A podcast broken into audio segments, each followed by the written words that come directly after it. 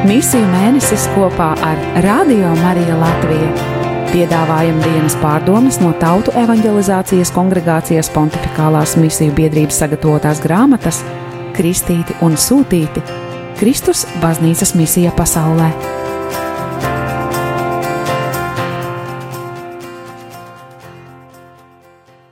24. oktobris.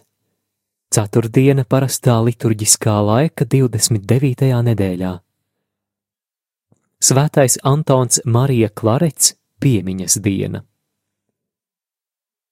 Svēto rakstu lasījumi no vēstules romiešiem sastās nodaļas 19. līdz 23. pants, pirmais psalms un Lūkas evaņģēlijas 12. nodaļa no 49. līdz 53. pantam.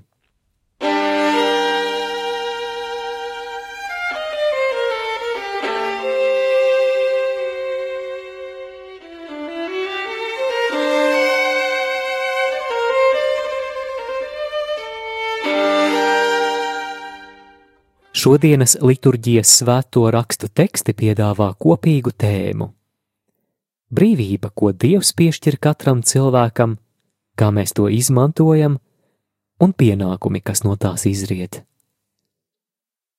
Teksts no apstuļa Pāvila vēstules romiešiem novelk skaidru līniju starp dzīvi, kas kalpo grēkam, un dzīvi, kas atrodas Kristus pakļautībā.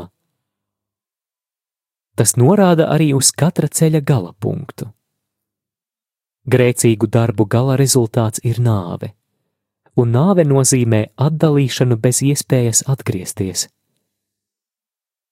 Šāda atdalīšana ir pašu izraisīts liktenis tiem, kuri spītīgi izvēlas izslēgt dievu no savas dzīves. Pāvila piedāvātais scenārijs pilnīgi atbilst evaņģēlijas scenārijam.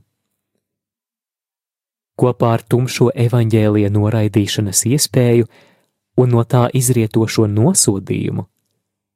Turpat līdzās ir arī plašais mūžīgās dzīves horizonts, kas balstīts Kristū Jēzū. Pāvilam reliģisko priekšrakstu ievērošanas veterānam, kurš tos ievēroja kā ceļu uz pestīšanu, ir svarīgi atkārtoti uzsvērt, ka kopība ar Dievu caur Jēzus Kristus personu ir nepelnīta dāvana Neviens nevar apgalvot, ka Dievs viņam ir kaut ko parādā. Pestīšana ir žēlastība, un cilvēce tiek aicināta to uzņemt un kultivēt.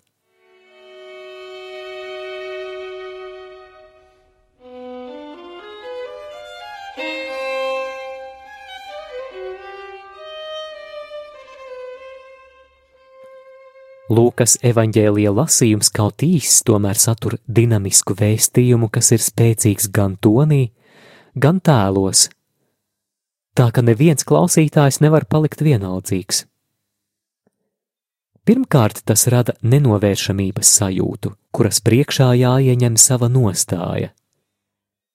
Dieva manifestācija Jēzus Kristus personā ir aizdedzinājusi liesmu cilvēces un atsevišķu cilvēku vēsturē. Bībelē uguns simbolizē pravieša pasludināto kunga vārdu.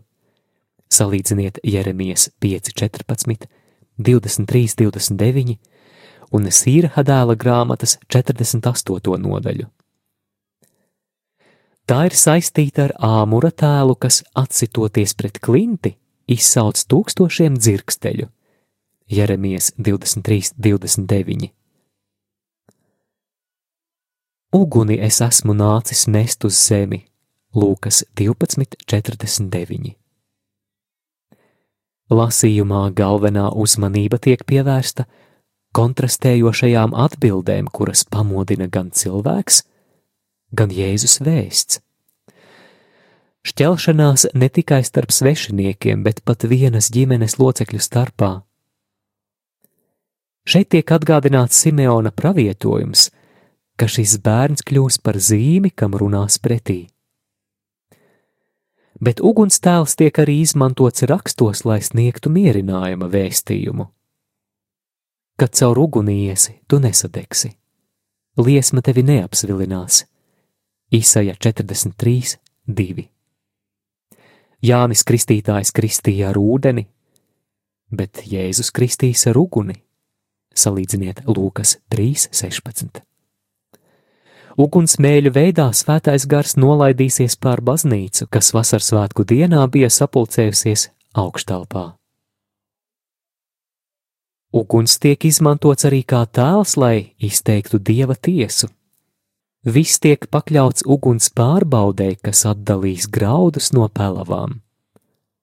Tāpēc arī apstuļa Pāvila pamudinājums. Katrs pats lai raugās, kā viņš būvē. Citu pamatu neviens nevar likt kā to, kas jau likts, un tas ir Jēzus Kristus. Ja kāds ceļ uz šā pamata no zelta, sudraba dārgakmeņiem, vai arī no koka, siena vai salmiem, ik viena darbs kļūs redzams. Tā diena to parādīs, jo tas tiks atklāts ugunī, un kāds ik viena darbs būs bijis, to uguns pārbaudīs. Ja kāda darbs, ko tas uzcēlis, paliks, viņš saņems algu. Ja kāda darbs sadegs, viņš cietīs, tomēr tiks izglābts, bet kā caur uguni. Pirmā vēstule korintiešiem, trešā nodaļa no 10. līdz 15. pantam.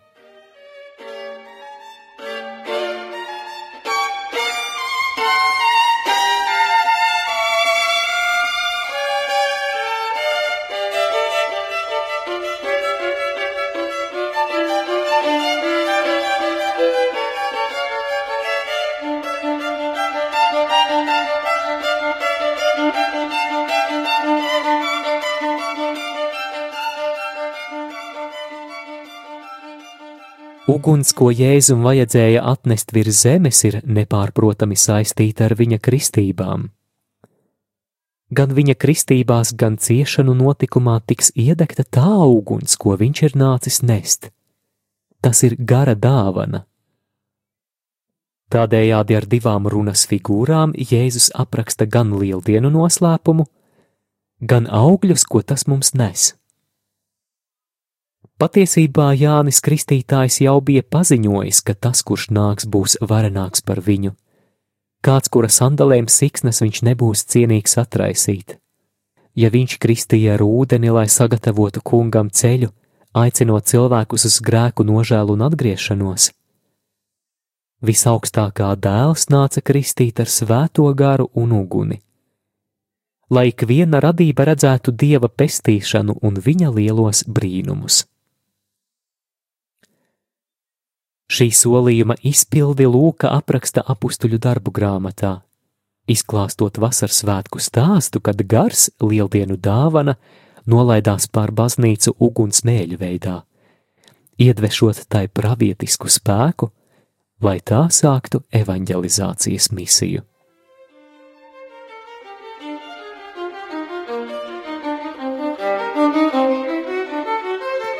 Lūka noteikti ir bijis liecinieks daudziem ģimeņu konfliktiem savu misionāro ceļojumu laikā pa visu pasauli, gan evanģelizējot kopā ar Pāvilu, gan ar citiem domu biedriem. Kā stāsta apstuļu darbu liecības, daudzi no šiem konfliktiem notika sinagogās tāpēc, ka daži bija pieņēmuši labo vēsti, bet citi atteikušies to pieņemt. Pats par sevi saprotams, ka sinagogas rituālos piedalījās vienas un tās pašas ģimenes locekļi. Tas liek atcerēties citu Jēzus mācību, kur viņš prasa no saviem mācekļiem lielāku mīlestību nekā mīlestību, kas tiem ir pret saviem radiniekiem. Iemesls ir ļoti vienkāršs. Viņš ir mīlestības avots. Tas ir Jēzus, kurš mūs māca patiesi mīlēt, atdodot dzīvību par cilvēkiem, kurus mīlam. Mīlestība, kuru motivē tikai ģimenes saites, ir ļoti trausla. No otras puses, kļūstot par Jēzus sekotāju, es ne tikai iemācos patiesi mīlēt savu ģimeni, bet es arī atsakos no visas alkatības un liekulības, katras sautības un diskriminēšanas, atverot sirdi vispārējai brālībai, ar sirsnīgu mīlestību pieņemot dažādus cilvēkus no man atšķirīgas reliģijas etniskās piedarības, kultūras, ādas krāsas, sociālā stāvokļa, cilvēkus, kuri iepriekš priekš manis bija svešinieki. Bet tas var izraisīt naidīgumu no ģimenes un sabiedrības puses, kurai nepatīk atšķirīgais un kura atsakās pieņemt vēsti, kas var graut viņu tradīcijas un uzskatus. Viņi nesaprot šo jauno dzīvesveidu, kurš ir gan īsta garīgā, gan sociālā revolūcija, un noraida to. Kā saka pats Lūka, bauslība un pravieši ir līdz Jānim, bet no tā brīža tiek sludināta dieva valstība, un ik viens ar spēku laužas tajā iekšā. Lūkas 16, 16.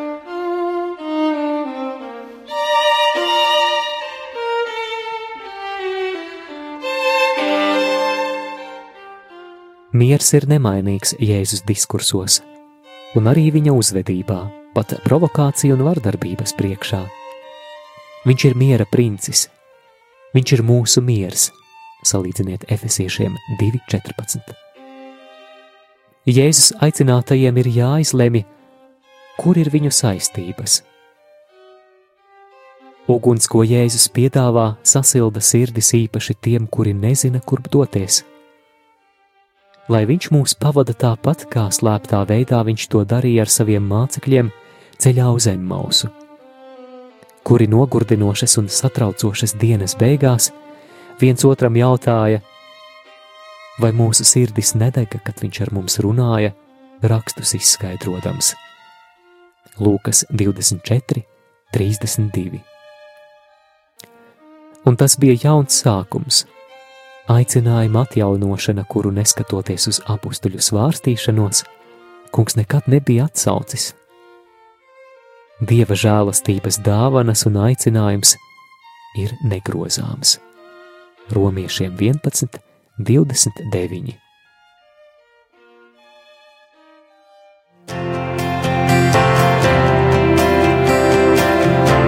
Dzirdējāt dienas pārdomas no Tautu evanģelizācijas kongregācijas pontificālās misiju biedrības sagatavotās grāmatas Kristīti un Sūtīti - Kristus baznīcas misija pasaulē.